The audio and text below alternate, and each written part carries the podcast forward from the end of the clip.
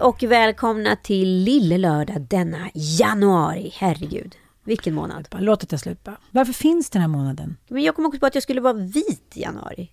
Tyckte att det blev spånkas lite mycket där under julen. Ja. Jag är, jag är ju en periodare, jag är ju som KV.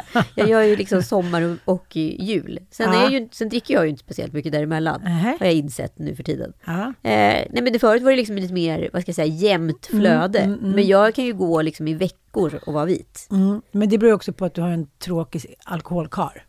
Alltså han är ingen sponkis, nej. Nej, men, men gud vad det där går hand i hand med Gud, ens liv. Om det är så här glada liksom eh, festbyxan på som öppnar bubbel varje fredag. när Man, hem. Eh, man hakar ju på den man lever med. Ja, men så är det ju. Men, men jag, alltså jag kommer ihåg det här från min singeltid. Att jag var aldrig en sån som drack själv hemma.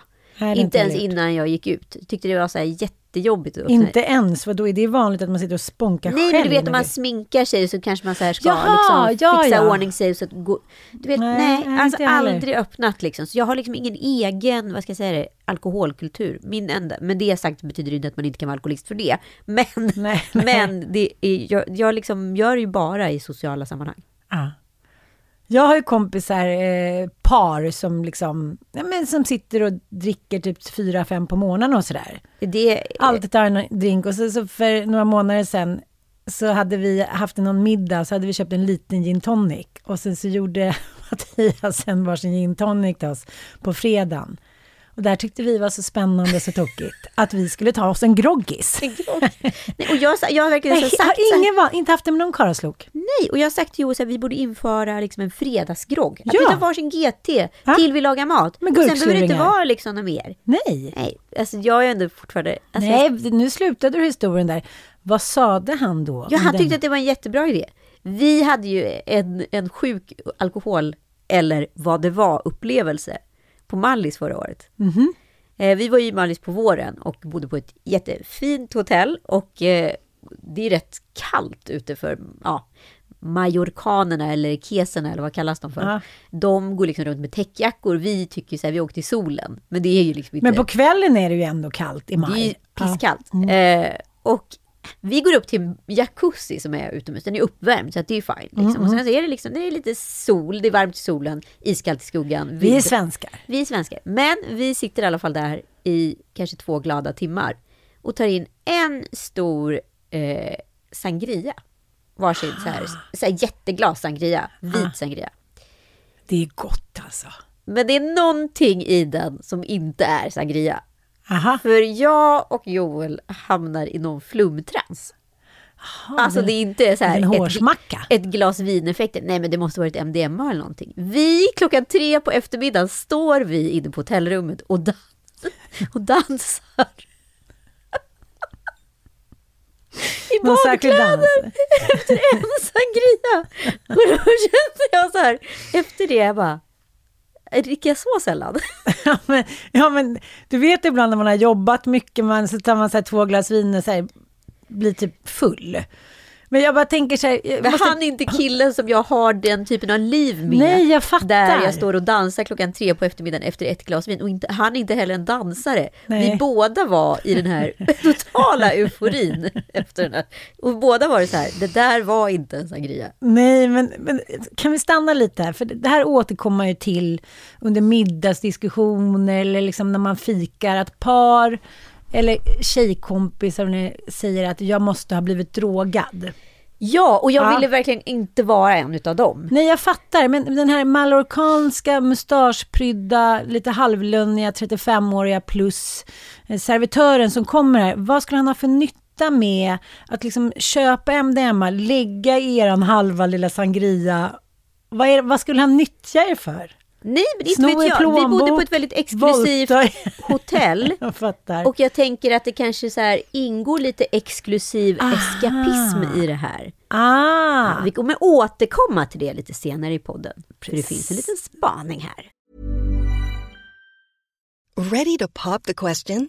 The jewelers at BlueNile.com have got sparkle down to a science with beautiful lab grown diamonds worthy of your most brilliant moments. Their lab grown diamonds are independently graded and guaranteed identical to natural diamonds, and they're ready to ship to your door. Go to Bluenile.com and use promo code LISTEN to get $50 off your purchase of $500 or more. That's code LISTEN at Bluenile.com for $50 off. Bluenile.com code LISTEN. Here's a cool fact a crocodile can't stick out its tongue. Another cool fact you can get short term health insurance for a month or just under a year in some states. United Healthcare short term insurance plans are designed for people who are between jobs, coming off their parents' plan, or turning a side hustle into a full time gig. Underwritten by Golden Rule Insurance Company, they offer flexible, budget friendly coverage with access to a nationwide network of doctors and hospitals. Get more cool facts about United Healthcare short term plans at uh1.com.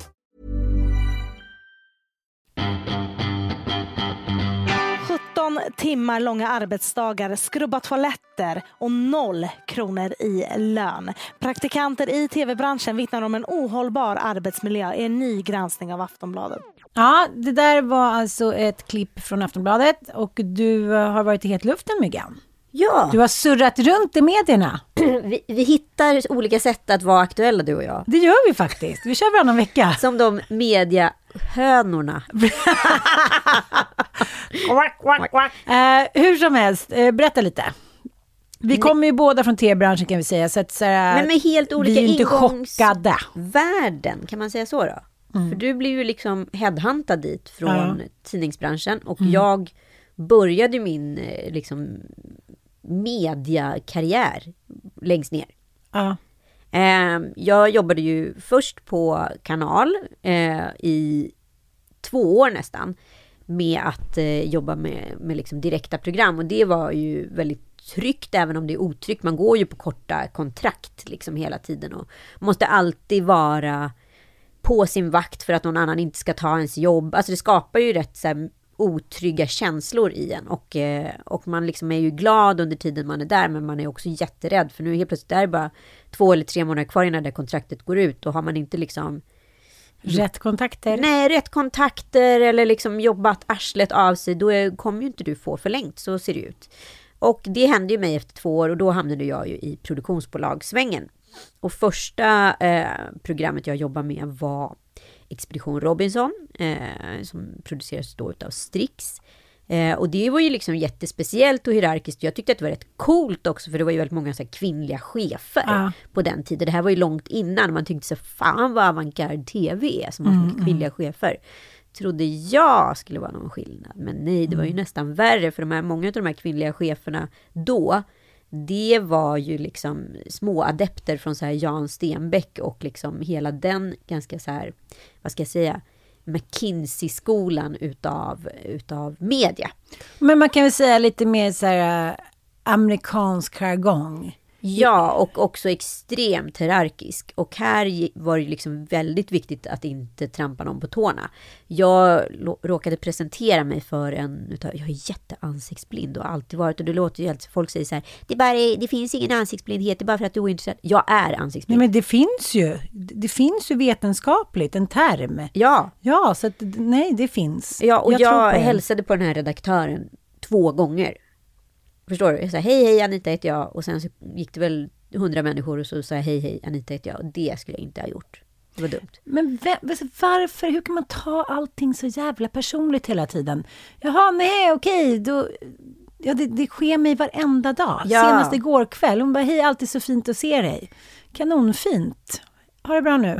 Ses. Ja men det där hände mig ja, senaste Är det så helgen. konstigt när den moderna hjärnan, hur många människor träffar vi per dag när vi är inne i svängen? Det kan vara upp till 200 pers. Ja, och man ska också se alla. Jag tänkte Ja, på det nu när jag ja. såg så här Avatar. Jag bara, I see you. Det är Ja. ju deras grej för att bekräfta att så här, jag ser dig, du finns här.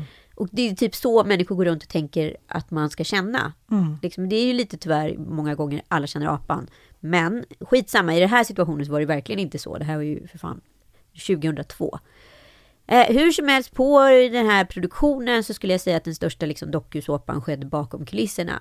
Det var liksom absolut strukturell mobbing. Vad var din roll? Jag var skripta, jag var central skripta, det vill säga jag sitter inne i kontrollrummet och jobbar med alla teamen, det vill säga Belgien, Holland spelar in samtidigt, Danmark spelar in samtidigt, Sverige spelar in samtidigt och då jobbar jag centralt med alla olika producenter och bildproducenter i varje team. Shit, men var du på ön? Ja, Jaha, du, du satt i en hydda? och- jag var ju tre månader på, i Malaysia. Liksom. Jaha, spännande. Och det var ju jättekul. Det var ju också som att vara på liksom ett lyxkollo. Eh, men li- Många vill ju ha de där jobben, kommer jag ihåg. Ja. Men jag lyckas då eh, pricka, göra en jätteblunder. Jag blev först ihop med en kille som var då paxad utav den här redaktören som redan är arg på mig. Men gud, För de dessa paxade ju paxade killar. killar. Och så jävla killsvin. Hur många killar har man inte liksom hängt lite med? Så kommer det fram för att man blir typ jagad på Sankt Antons diskotekstoaletter för att då är den paxad av någon annan.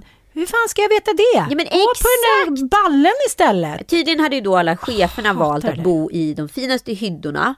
men på den här såklart. ön, längst in. Det här var, blev ju liksom som en stam. Och sen så bodde liksom de killarna de ville ligga med i nästa cirkel.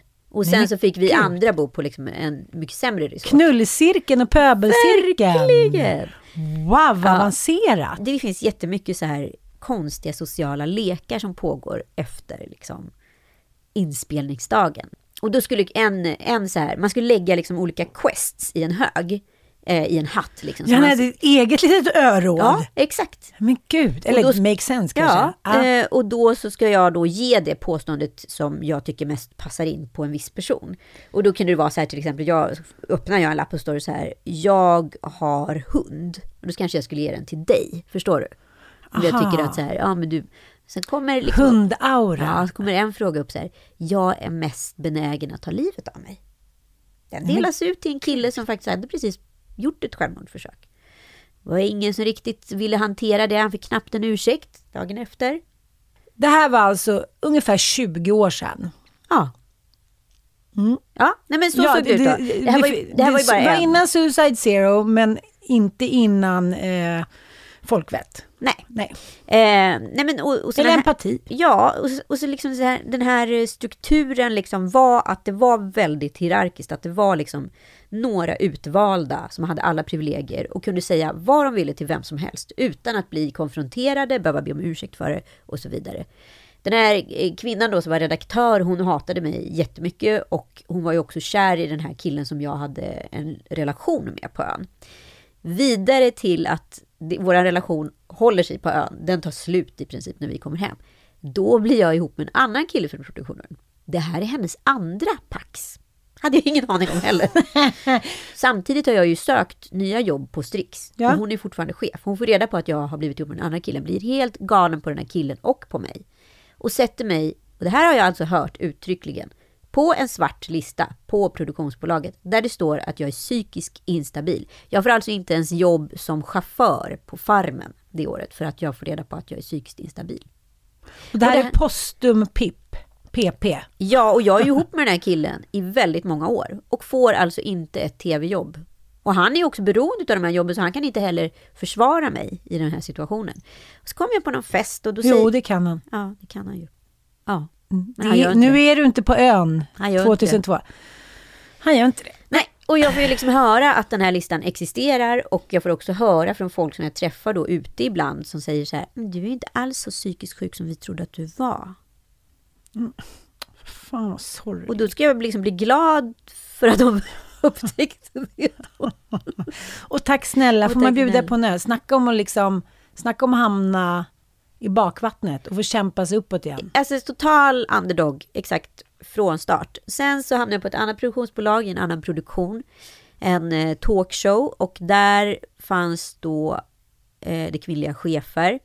Det utdelades veckans anställd i form av en tårta varje vecka. Och det var då den tjejen som hade jobbat hårdast. Vi var researchers och skulle ska, ska hitta människor som ville delta i den här talkshowen. Hur många var ni i den här lilla cirkeln som kunde vinna tårtan? Nej men vi var väl kanske ett 15-tal researcher och det var väldigt hög personalomsättning för folk åkte in och ut och in och ut. För man inte presterade bra så åkte man ut. Så det var lika mycket tävling.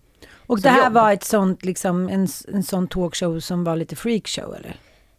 Både och skulle jag väl säga. Det var väl en liksom klassisk eh, 2000-tals talkshow. Ja. Tänk lite Ricky Lake. Alltså det kan vara allt från relation till en kvinna med tre bröst. Så vad kunde know. man få för uppdrag? Att alltså, skaffa en kvinna med tre bröst? Ja, hitta en kvinna med tre bröst tror jag faktiskt ett konkret uppdrag var. Eh, You could have called me. Ja. Nej, men då min lycka i livet var att jag råkade känna en av de här tjejerna som hade jobbat på reproduktionsbolaget länge och hade slutat för att gå till ett annat. Så jag fick hennes ringlista. Det var liksom mitt trumfkort för att här, få kunna överleva liksom, lite längre tid i den här produktionen. Grät en medarbetare som precis fått sparken till höger eller vänster om dig, då kunde jag få ett så här, DM direkt på datorn om jag började så här, försöka trösta den personen. Så här, Trösta inte. Varför då?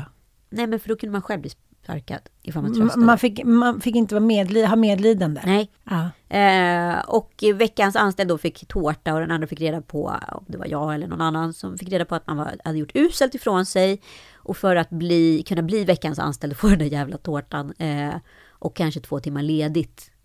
Eh, vi jobbar ju alla liksom 15 timmar kanske i snitt per dag. Eh, då, då, kunde, då skulle man få ett riktigt svårt ämne, exempelvis här, kvinna med tre bröst och sånt. Och hittar man inte det, ja då åkte man ju, då var man ju veckans sämsta anställd och det var ju uttalat då. Eh, ja, det stod på en tavla där också. Det var väldigt fint. One size fits all seemed like a good idea for clothes Nice dress. Uh, it's a it's a t-shirt. until you tried it on. Same goes for your healthcare.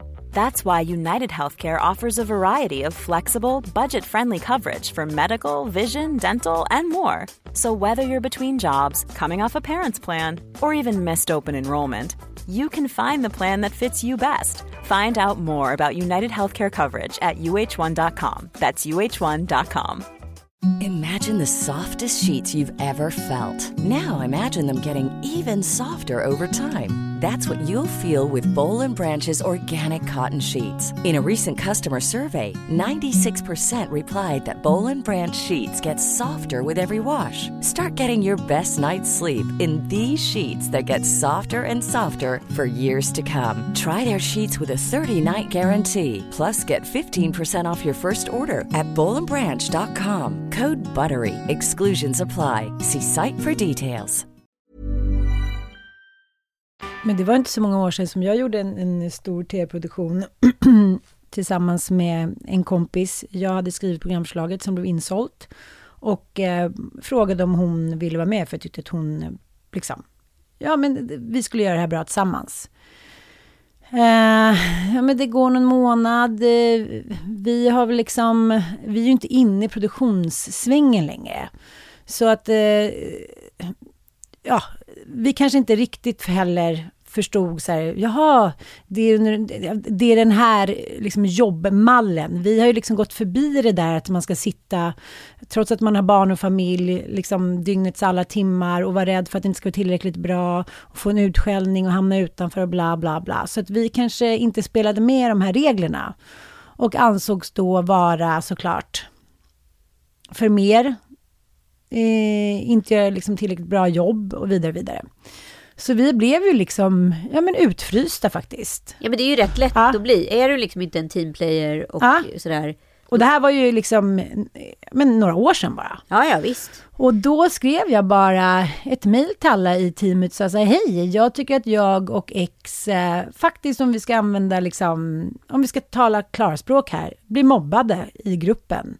Och så här känner jag, ja, så här känner jag, så jag tänker att vi skulle kunna bara ha bara en, en liksom öppen diskussion. Jag vill bara att att alla ska få säga vad de tycker. Tycker inte ni att vi gör ett bra jobb, då är det klart att ni ska säga det. Men den här stilen tycker jag bara är helt fel. Helvete vad det här tog snurr. Oj. Det är det läskigaste man kan skriva i någon form av tv-situation. Nej, folk mådde så dåligt och det var tårar och liksom gråt och ingen förstod någonting och ditten och datten hit och dit. Och jag bara tänkte så här, det var som att svära i kyrkan. Jag menade inget illa, jag vill också ha såklart liksom någon form av eh, ja, men kritik då, men liksom att man kan prata om det på ett schysst sätt så att vi, vi slipper bli skitsnack eller man behöver känna sig utanför. Även fast jag var 40 plus så tycker jag inte om att, jag tycker inte om att vara mobbad. Det gör väl ingen människa. Men eh, det, det, det, togs emot på ett annat sätt. Mer sådär, jaha, de kunde inte förstå att vi kände så, ditten och datten. Och det skulle väl aldrig kunna bli så. Äh, jag vet inte, det, det, det blev inte alls så som jag trodde. Nej. Nej men eh, senare så ska min kille ner tillsammans med Strix och göra någonting som heter Camp Malloy i Australien.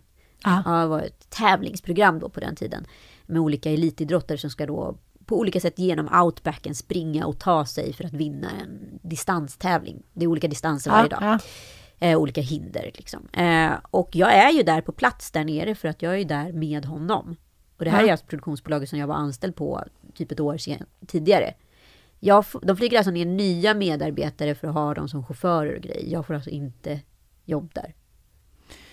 Jaha, du bara, får bara vara med. Jag får bara vara hangaround till honom. Jag får absolut inte jobba där.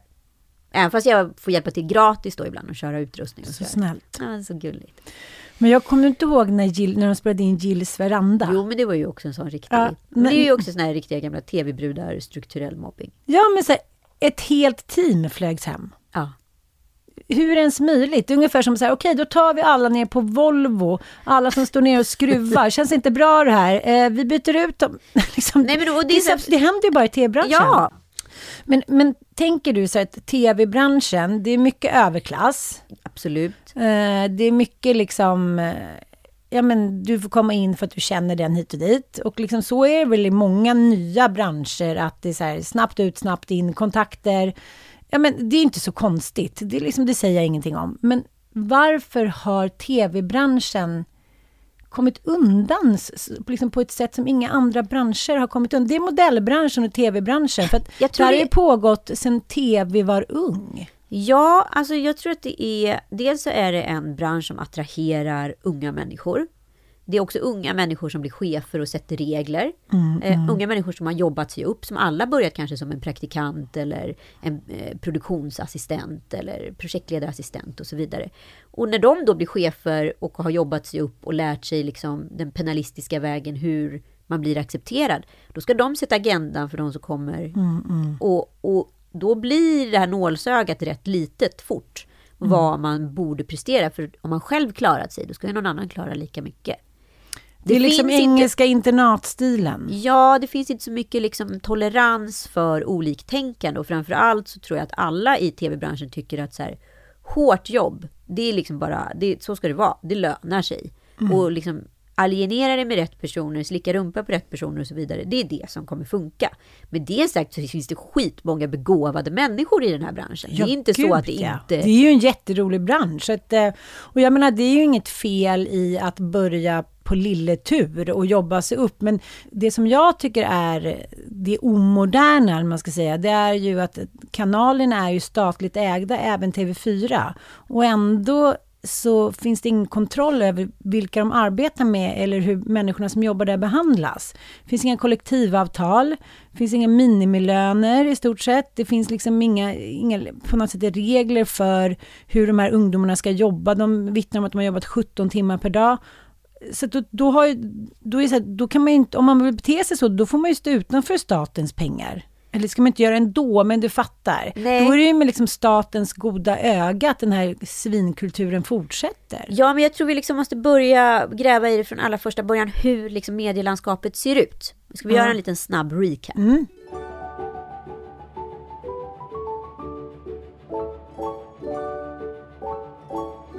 Ja, egentligen så är det så här att näringslivet, om vi säger de stora liksom, företagen, när de ska investera sina ganska stora belopp eh, reklampengar som de investerar varje år i tv, media och så vidare, då vänder de sig till någonting som heter en mediebyrå. Och mediebyrån är då experter på att på ett fördelaktigt sätt eh, optimera spridningen utav de här pengarna. Alltså det kan läggas på exempelvis aftonbladet.se, det kanske läggs på eh, reklamintäkter i tv, det läggs på online, det läggs på eh, SEO och så vidare. Olika sätt som man får väldigt mycket tillbaka för sin medieinvestering. Det vill säga att en normal eh, traditionell eh, marknadsbudget är ju ungefär mellan 10 och 20 procent utav vad bolaget omsätter per år. Och den ska då återinvesteras i reklam för att kunna skapa nya kunder och kundkontakter. Det som har varit grejen är ju att TV har ju reglerats utav någon väldigt liksom, specifik materia som kallas för mätboxar. Det finns alltså tusen mätboxar ute i Sverige som säger att det här kollar tittaren på. Det är tusen familjer som får ett par trisslotter per år för att så här, logga in och eh, liksom komma in i de här mätboxarna och säga så här, så här tittar vi på TV i vår familj. Det här är Ella 9 år, det här är Kalle 17 år, det här är Pelle 40 år och eh, Stina eh, 42 år och så vidare. Så att de får exakt målgruppsträff och så vidare. De här tusen familjerna är avgörande för hur hela TV-kakan fördelas. Och de här tusen familjernas eh, prissättning, eller vad man ska säga, det TV prissätts utifrån har varit de här familjerna. Och då har reklamintäkter kostat en viss peng på TV. Väldigt hög om du jämför det med online-tv-produktioner och så vidare. För där har prissättningsnivån sett helt annorlunda ut sen onlines begynnelse. Man har aldrig trott att det skulle segla upp som en konkurrent. Man har alltid trott på det linjära nätet. Nu när helt plötsligt TV, den linjära tv-tittningen går ner i rasande tempo. Eh, och online går upp så inser man ju då att nu har vi ju satt fel priser här. Den har En- inte hängt med. en reklamspot på, eh, låt säga Let's Dance i bästa sändningstid i, i vad heter det lilla breaket där. Det kan ju kosta nästan 2 till 10 miljoner. Men samma break online kostar ju kanske en, hund, en tiondel.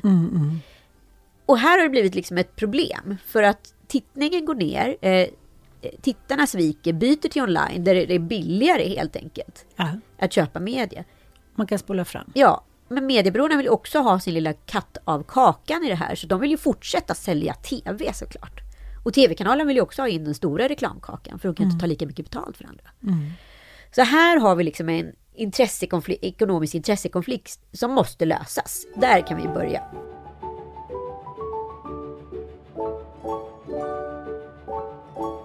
Och sen så då när kanalerna får sämre budgetar hela tiden så har de ju ändå liksom fått sån hög kvalitet från produktionsbolagen hela tiden. Och då vill de fortsätta ha den produktionsbolagen. Och då vill de ju fortfarande ha den här produktionskvaliteten. Men betala kanske 25 till 50 procent mindre. Och vad ska produktionsbolagen göra då som inte har kollektivavtal? Jo, de måste ju dumpa personal. De måste ta in praktikanter. De måste ta in billigare personal som inte vill ha lika mycket. Om du är 45 år och har jobbat i branschen i 15 år eller 10 år, och, eller är en yrkes, liksom, erfaren kvinna eller man, då kommer ditt arvode vara väldigt mycket högre än någon som är 20 år. Så idag är det väldigt många unga projektledare också. Det är ju projektledare som är, precis som när jag var i branschen, 20 plus ålder. Och de är ju inte erfarna, de kan inte alltihopa. Och det blir väldigt mycket liksom problem.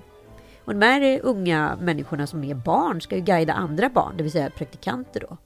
Det blir liksom inte bra. Nej. Och det är ju det här som händer hela tiden när konkurrensen ser annorlunda ut. Det gjorde det ju också under tiden på 2000-talet för att 2000-talet var ju ändå tvs guldålder med alla dokusåpor och allting. Men helt plötsligt kom ju internet och sen så kom det ju liksom flera uttryck. Idag är ju liksom guldåldern på serier, alltså skriptad underhållning. Den oskriptade underhållning som en dokusåpa är, exempelvis, eller ett Let's Dance och så vidare. Det är en annan typ av underhållningsform. Och där har budgeterna gått ner, men produktionskvaliteten ska vara lika hög.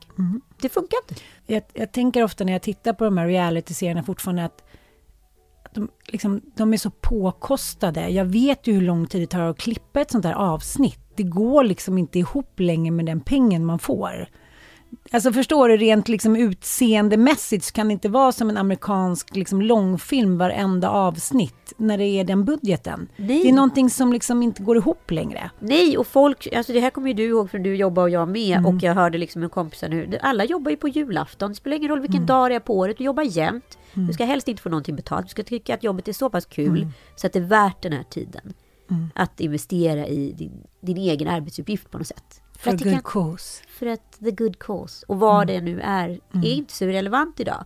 För kollar man på vad unga människor vill idag, så vill de inte jobba som vi gjorde. För vi var ju så fostrade utav Men lutherska vi föräldrar. frågasatte ju inte ens. Det var ju bara så här, Vi var rädda. Ja, men man börjar sommarjobba där någon gång liksom efter åttan och sen så jobbar man bara resten av sitt liv tills man dör. Och den här grejen som kom upp i Aftonbladet nu, den är ju inte ny för att praktikanterna har sagt till. Det är ju ett stort tv-uppror som har pågått rätt länge, där över 300 personer har skrivit på ett, eh, ett liksom det här funkar inte längre, tv-kanalerna. Ni måste ta ansvar för det här. Och det är ju jättejobbigt, för många i branschen är ju jätte, jätterädda för sina chefer, för man är så löst hängande, precis som jag sa att jag var, eller du var. Liksom. Det är klart, och det är, så här, det är helt ödesdigert att bli av med sitt jobb. Ja, Nej men någonting liksom, den, den ruttna fisken måste ju typ slängas i Östersjön, tillbaka i Östersjön. Det måste bli mer transparens, det måste följas någon form av regelverk. Alltså kanaler som är ägda av staten ska inte komma undan med vad som är, så är det ju. eh, och det är ju inte så att alla produktionsbolag vill ont. Jag tror inte det. Nej, det tror här, inte jag heller. Det, är bara, att det, är så här, det är väl samma sak som man går i liksom, en dålig relation. Ja, det är så här det är. Man kanske inte ställer så mycket krav. Förstår du vad jag menar? Nej, och alltså, hela systemet är liksom skevt från början till slut. Så man måste se till liksom, var börjar det skava? Ja, du har ju också läst de här artiklarna om unga människor inom tech bland annat. Hur deras liksom inställning till livet ser ut. Och unga människor, den nya generationen Gen Z, de är inte alls med på de här premisserna som vi var. Nej. Det här eh, skapar ju eh, en eh, liten krock, bland annat hemma hos mig. Ja, det är ju en total kulturkrock. Ja, och eh, ja, men som Milon sa, så här, jag pluggar ju väldigt mycket så att jag Mamma, alla har inte helgjobb eller kvällsjobb. Jag bara, jo det har de. Det har alla ungdomar idag. Men nu har ju han det. Men eh, det är ju helt andra krav också från hela samhället, från skolan, eh, vad man, liksom, hur man ska vara på fritiden, hur man ska så här, vara tränad. Alltså det är ju en helt annan eh, kravlista om man jämför med 20 år sedan. Liksom. Och så säger då Ossian till mig, men mamma, jag, jag är inte attraherad av det livet som du och pappa har haft. Alltså ni har jobbat, pappa har jobbat sedan han var 16, eh, liksom på heltid och du skryter om att så här, när jag var 10, då delade jag ut jultidningar och började jobba hos en frisör. Jag fattar mamma, men, men jag, liksom, jag vill ha ett bra liv, jag vill göra grejer jag tycker om som betyder någonting. Så här. Jag försöker liksom påyvla honom den lutherska inställningen till att alla jobb är bra jobb, alla timmar typ på golvet är bra timmar och du vet så här Arbeit macht frei. Fast jag står där och vacklar och liksom... Och då kan man göra på något annat sätt. Det är också Ja, läskigt precis. att tänka, har de liksom förstått någonting som inte vi Ja. förstod? Och vad betyder det? Och lite som vi pratade om också, om jag kollar, har man ju haft väldigt mycket liksom, olika inkomster under åren. Och så tittar jag på mitt liv, så tycker jag så här, mitt liv har ungefär sett likadant ut ändå. Jag har åkt ungefär på samma resor, alltså det här är i alla fall, det här kanske bara är en uppdiktad, men jag tycker ungefär, det har aldrig känts mer eller mindre lyxigt. Och det är ju för att man anpassar liksom sitt liv efter inkomst. Så att om jag nu hade börjat inte tjänat så mycket pengar tidigt som jag gjorde, jag hade ju en hög lön liksom typ redan när jag var 16 alltså, och jobbade extra på torget. Då hade jag ju inte tänkt som jag gör nu, att det ska vara på en viss nivå och mina barn ska ha det på en viss nivå. För då ska inte de få ha Axel Arigato. Men då måste jag kompensera det, för då är det jättesynd om dem. Det är liksom någonting som man är fostrad in i att det ska vara. Men tänk om det inte ska vara så då? Ja men tänk om. Det har vi aldrig ens tänkt. Nej, och liksom vadå att jag som 20-åring skulle kunna säga så här, vet du jag vill bara jobba fyra dagars vecka, sorry. Nej, men då hade man ju inte fått vara med. Nej. Eller också alla de här timmarna sen man har gjort produktioner utomlands och så, så ja men då fyller jag i liksom OB då.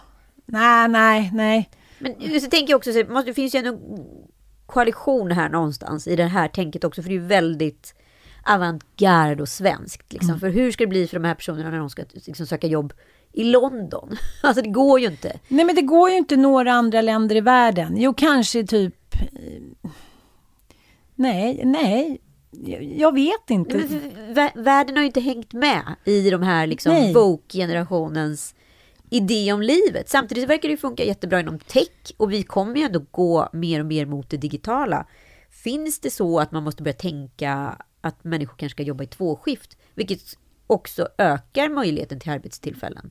Och skulle också jämna ut det på det stora hela. För om man också skulle jobba liksom att, jag menar att samhället även fortsatte konsumera på natten. Ja, i större utsträckning, som till exempel i USA. Då jämnar det ut sig. Men så tänker jag att det finns också många fallgropar. Jag läste om den här tjejen eh, på SVT Nyheter då, som lämnade staden och köpte ett ödeshus på landsbygden. ja. Då vill jag ju skrittskratta lite för mig själv. De är unga och starka och hit och dit, men att så här, efter att ha renoverat mitt ödeshus i situationstecken på Gotland, som var liksom en Fritzels källare, men som ändå var beboeligt och hur mycket tid det tog, trots att jag gjorde det med tv och hitan och ditan. så kanske det ena också i slutändan eh, tar ut det andra. Att alla de här timmarna man ska lägga ner på det här ödeshuset då, ja men du vet drömkåken, oj nu vattnet gick, oj det frös.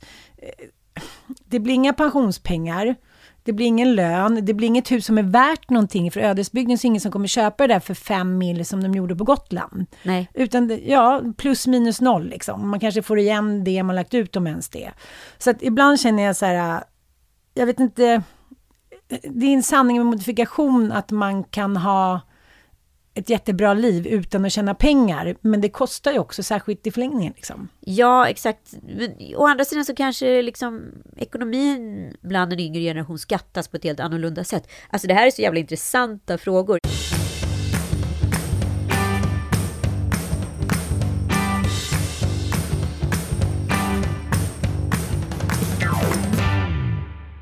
Ann, vad tänker du på när jag säger exklusiv eskapism?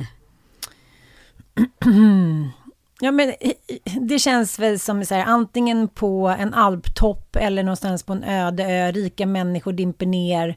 Någon Guide Michelin-kock och någon så här eh, känd Aruvega-yogis. Och sen så bara, nu ska ni klara er själva. Fast det ska de ju aldrig. Nej, men det ska de inte. Nej. Men, eh, ja, men jag känner några rikingar, de åker ju så här eh, typ, de vill tillbaka till det här, till grunden. Ursprunget. Ursprunget, det man inte kan köpa för pengar, förstår du? För de kan köpa allt.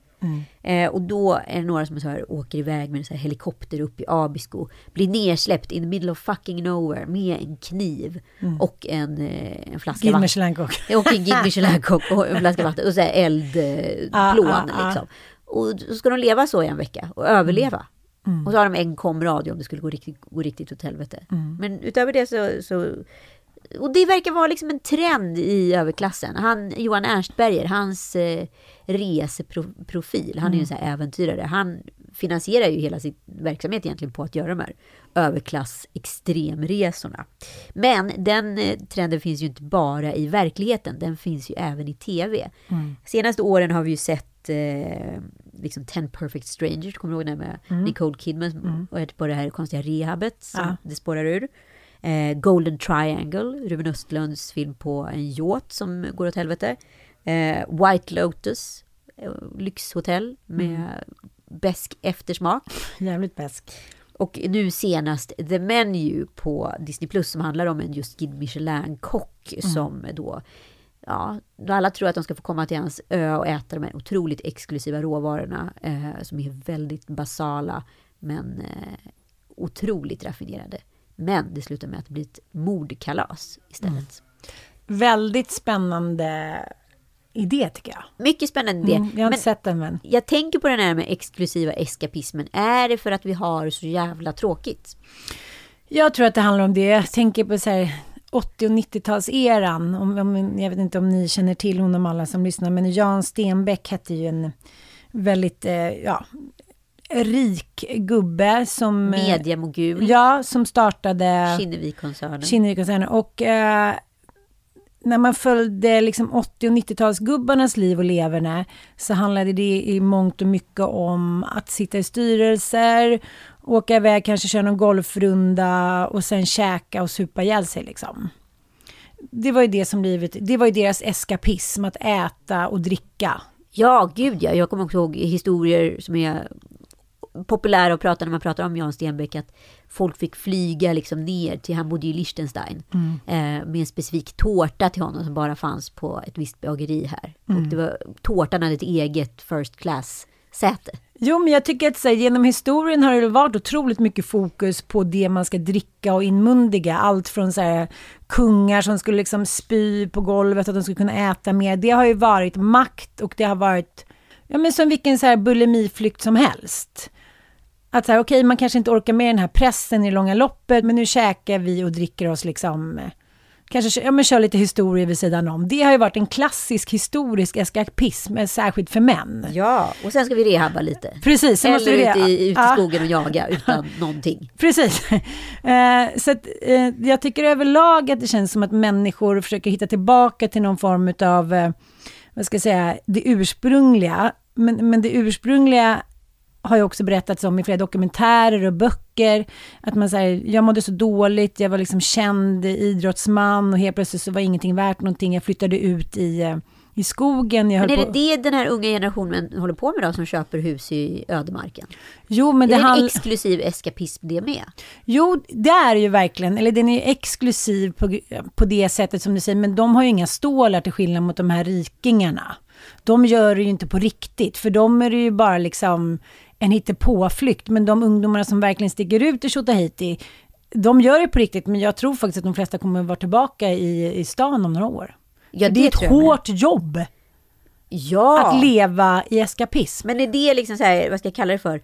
Kalle och Britta Zackari-generationen som tror på den, det liksom moderna jordbruket. Jo, men alltså, vadå, Kalle och Britta, de har ju den bästa världar. De kan vara ute i Nynäshamn på liksom sin gård och odla och eh, inreda och göra samarbeten. Liksom.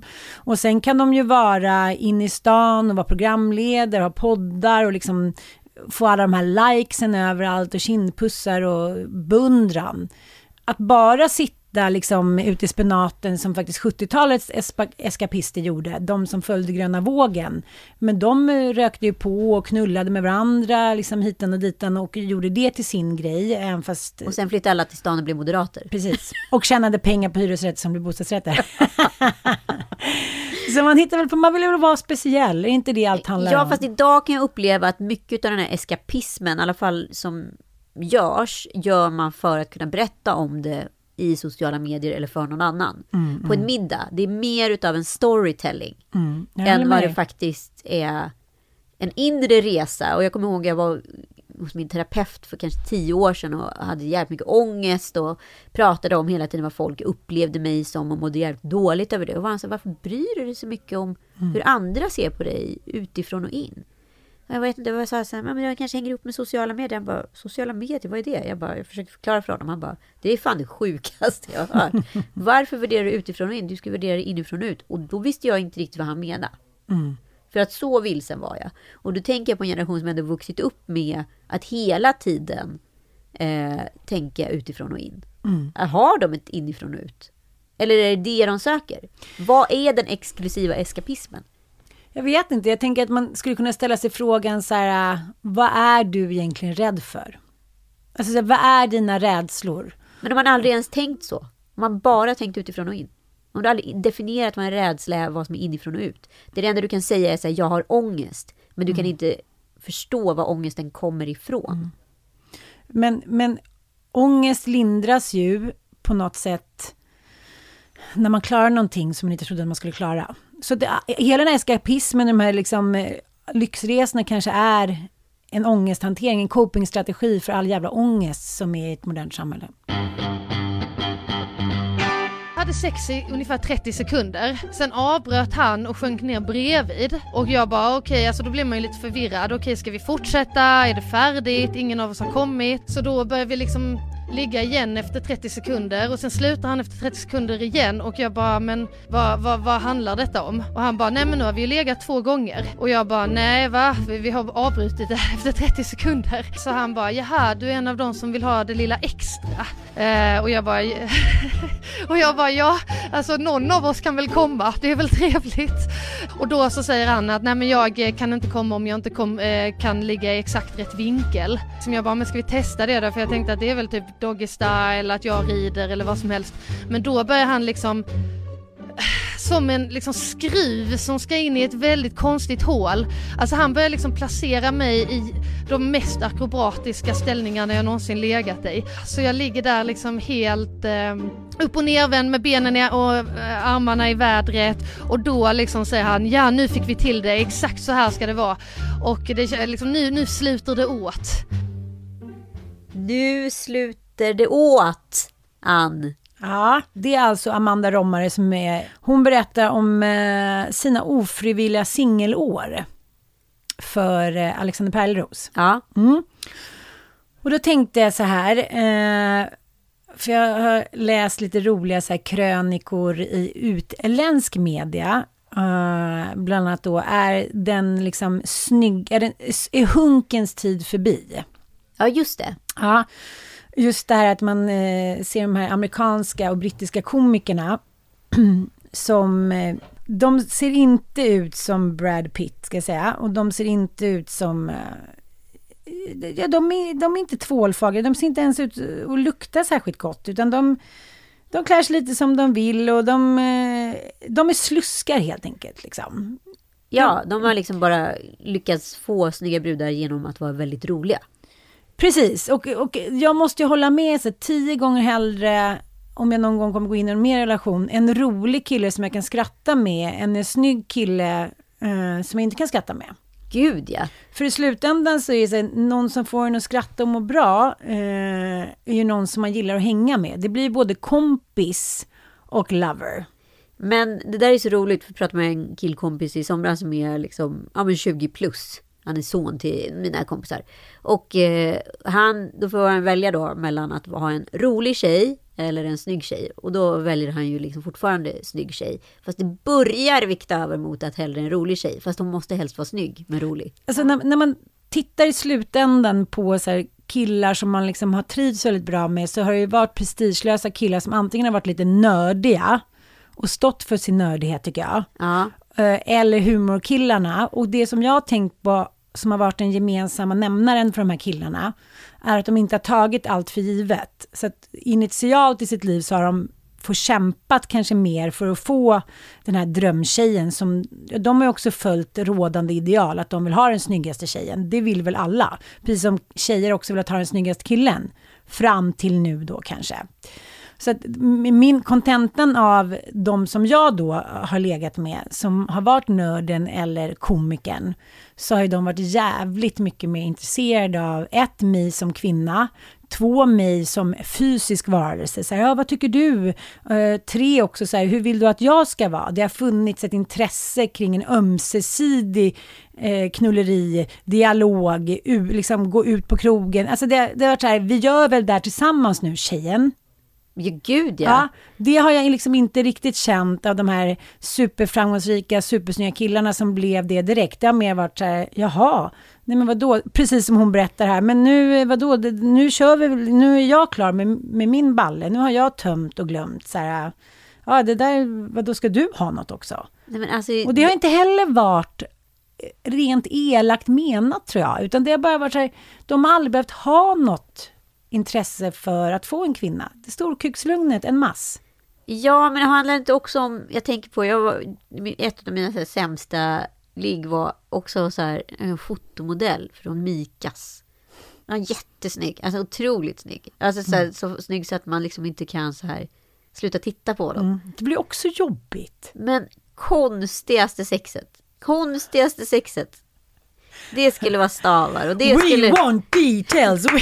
Nej men det skulle vara stavar och det skulle vara hänga upp i taket. Och det stavar, skulle vara tricks alltså och trollstavar? Nej, och då tänker jag så här, för jag, var, jag kände mer som att jag var liksom någon form av IKEA-möbel som skruvades ihop där. Det var en stav i stjärtamentet, en i pullerulli. och nu ska då B1 tillsammans med B2. Och så roterar man ett halvt varv då sätter man på sig Oj, C3. Då testar vi skruven där också. Där satt den bättre. Nej men vadå, du tyckte att det kändes tekniskt bara? Ja men det var tekniskt sex och då funderade jag på så här efteråt, så här, var han bara så här porrskadad? Alltså att han var tvungen att ha liksom så mycket attribut för att ens kunna få upp det, eller var det så fruktansvärt under hans liga? Vad var det för fel liksom? Jaha, att han vill säga, jag vill testa den här, så här halvrisa tjejen om, om, om jag kan gå igång på... Ja men ish! Eller liksom så här, behövdes det så mycket extra för att han fattar. skulle komma igång? Om han hade gått hem med en Emily Ratsjakowski, hade han liksom kommit på en gång då? Eller liksom vad, vad var grejen? Jag var ju inte supersnygg liksom. Du var inte i hans modelliga, nej, är det vi säger? Nej, nej, nej. Jag var, jag var en helt average Joe liksom. Mm. Men du dejtade ju en kille som var så direkt porrskadad. Så jag var ju väldigt, väldigt förtjust i honom alltså. Ja. Det måste jag säga. Och det, det är jag fortfarande, jag på säga. Nej men han har ju någonting. Men jag var i alla fall förtjust i honom och vi gick på någon fantastisk dejt och uh, ja men vi låg lite liksom hitan och ditan. Men så skulle vi börja ligga lite nyktra. Ja. Och sen så direkt så sa han så har du Pornhub?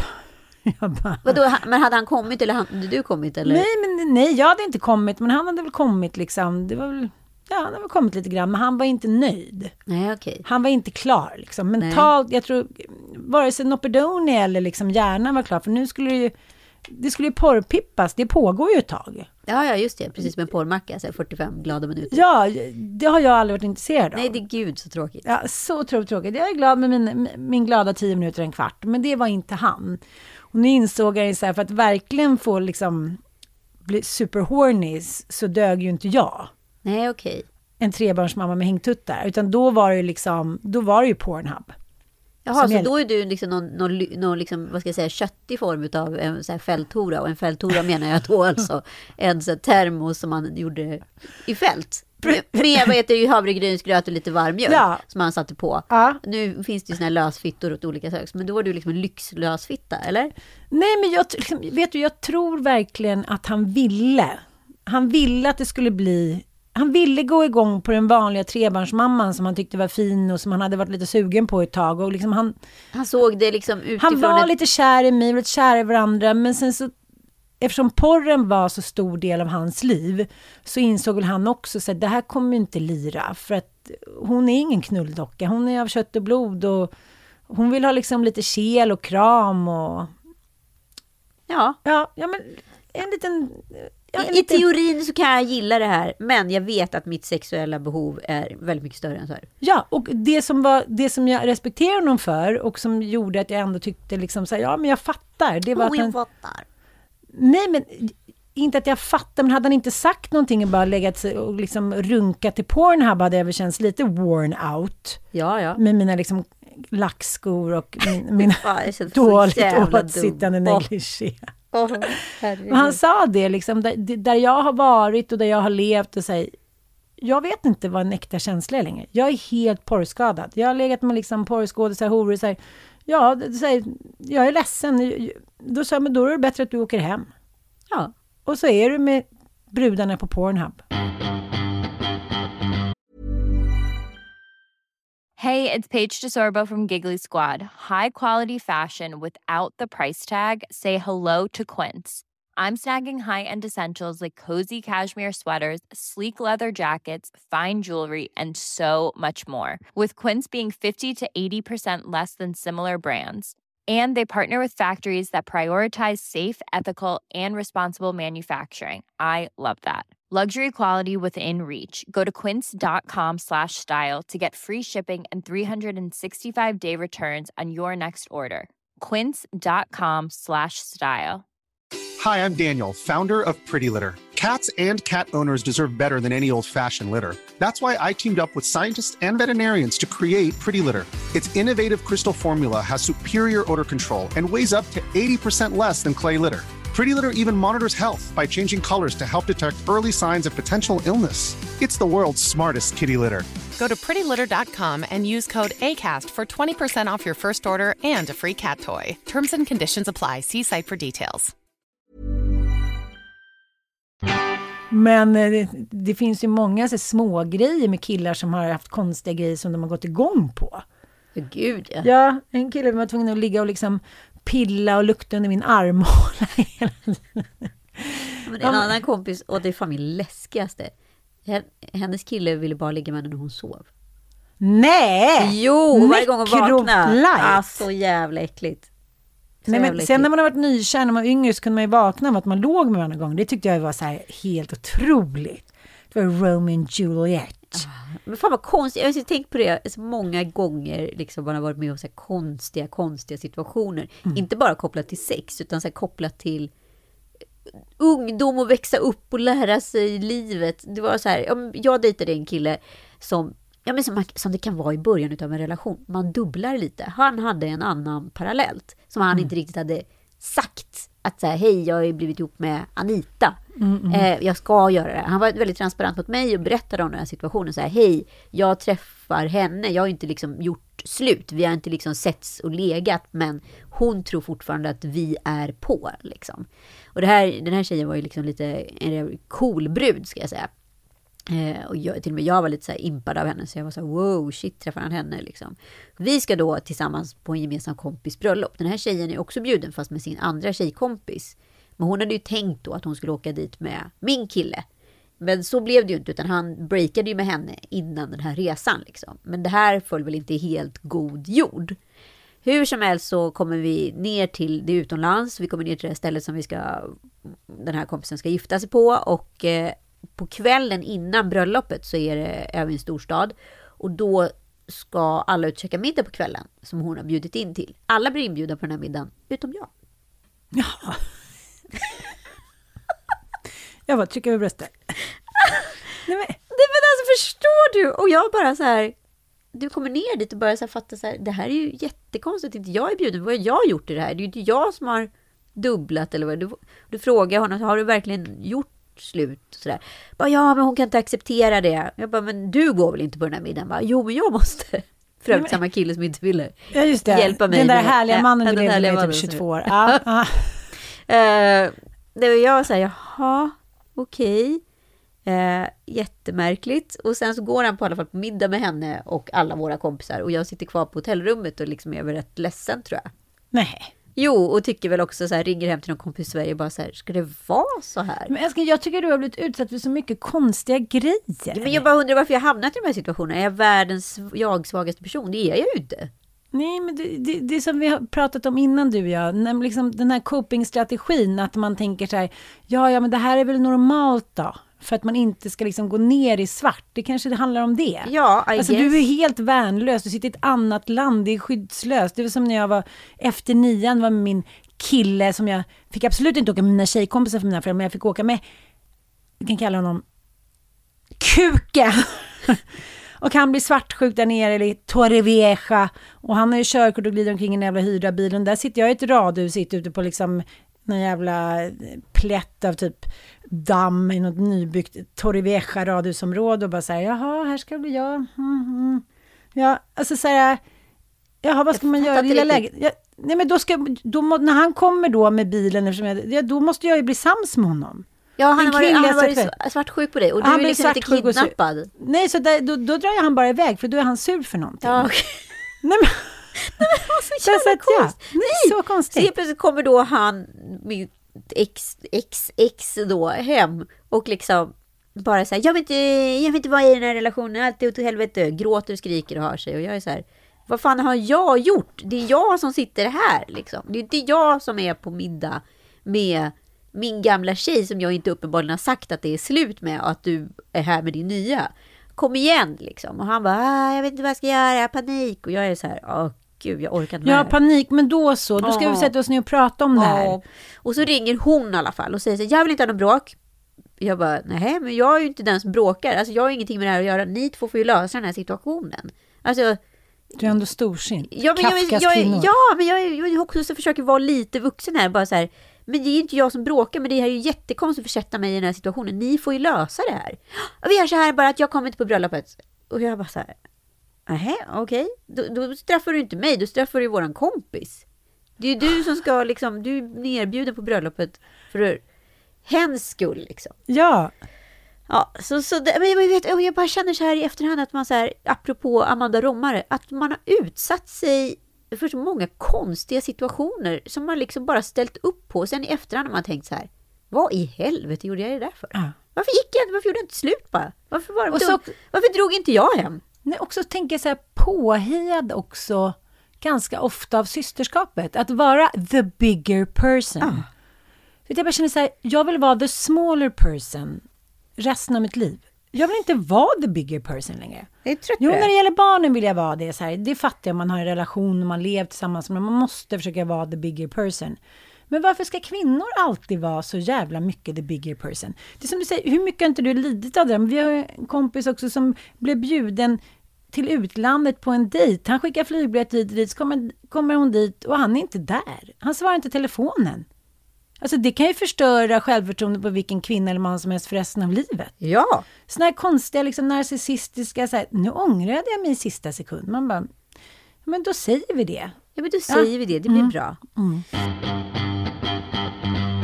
Jag ska berätta en rolig historia. Eh, några kompisar till mig var ute som, eh, ja men alla är liksom, apropå det här med att, att suttit och väntat på idioter så Ah. mycket. Liksom, och offrat sig så mycket för olika män i olika situationer. Hur som helst, ett par kvinnor runt eh, liksom 35 plus som är ute för några helger sedan. De går i alla fall på, på någon bar och så dyker två jävligt snygga killar upp liksom. Och de bara wow, shit vilka liksom hetingar liksom. Och de här killarna är urcharmiga. Eh, och sen så frågar i alla fall en till sist så här, för de vill bjuda med dem hem på efterfest och sådär. Frågar i alla fall en till sist så här, eh, ja men vad jobbar ni med liksom? Och de bara, men inom vården. Ja men ni är läkare och så. Och så. och så väl. Säg nu att ni är läkare hur? också. Gynekologer funkar också. det men går också, jättebra. Ja. Nej, men som sjuksköterskor. Alltså, Jag blir så full i skratt. Jag tänker bara på han, eh, alltså Gaylord Fokker, kommer du ihåg det? Meet the Parents. Ja, ja, att han är ja. sjuksköterska och aldrig liksom blir läkare. Och det här är inte socialt accepterat med hans tjejs pappa och hans gäng. Liksom. Men, båda de filmerna går ju ut på att han aldrig blir läkare och det funkar inte. Nej, men precis. Så de vill ju bara mobba ut honom. Ja men alltså, det, jag, jag får så här skrattattack för när de berättar den här historien och sen så bara de bara Det blir ingen efterfest, tack och hej. Ja. De vill inte ha en man som de, inte, som de skulle behöva försörja. Hur nobel och härlig han än var liksom, Mm. och fin så var det liksom inte fint nog. Mm. Är det en sån?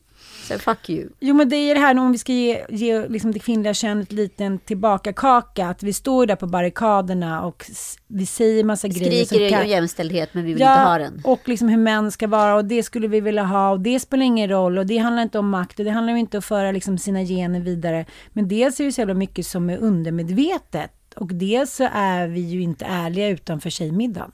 Och dels är det ju så att utanför tjejmiddagens liksom, what happens in Vegas stays in Vegas, så är vi ju inte helt ärliga. Vi kanske inte vill erkänna det eller tänker på det, men, men vi använder ju också lite retorik efter butik. och är brödfittan öppen, ja, då kan det bli en helt annan... Men jag vet, men det är dubbelmoralens liksom samhälle och det beror ju på massa olika grejer som vi inte riktigt kan styra. Men nej, då, ville de, då trodde de att det var efterfest och ligga och åka, men det var inte det för att de var sjuksköterskor. Och det var inte tillräckligt sexigt. Nej. Eller liksom plånbokssexigt. Och det är det här plånbokssexiga, alltså när vi hela tiden ändå vill vara jämställda, men då måste vi vara jämställda med att alla är chefer då. Ja. En mellanchef fann en annan god mellanchef och sen blev alla chefer. Var. Chefsamhället. Exakt. Ja. Tack för att ni har lyssnat och hänger med i våra vackliga teorier. Vi hörs om en vecka.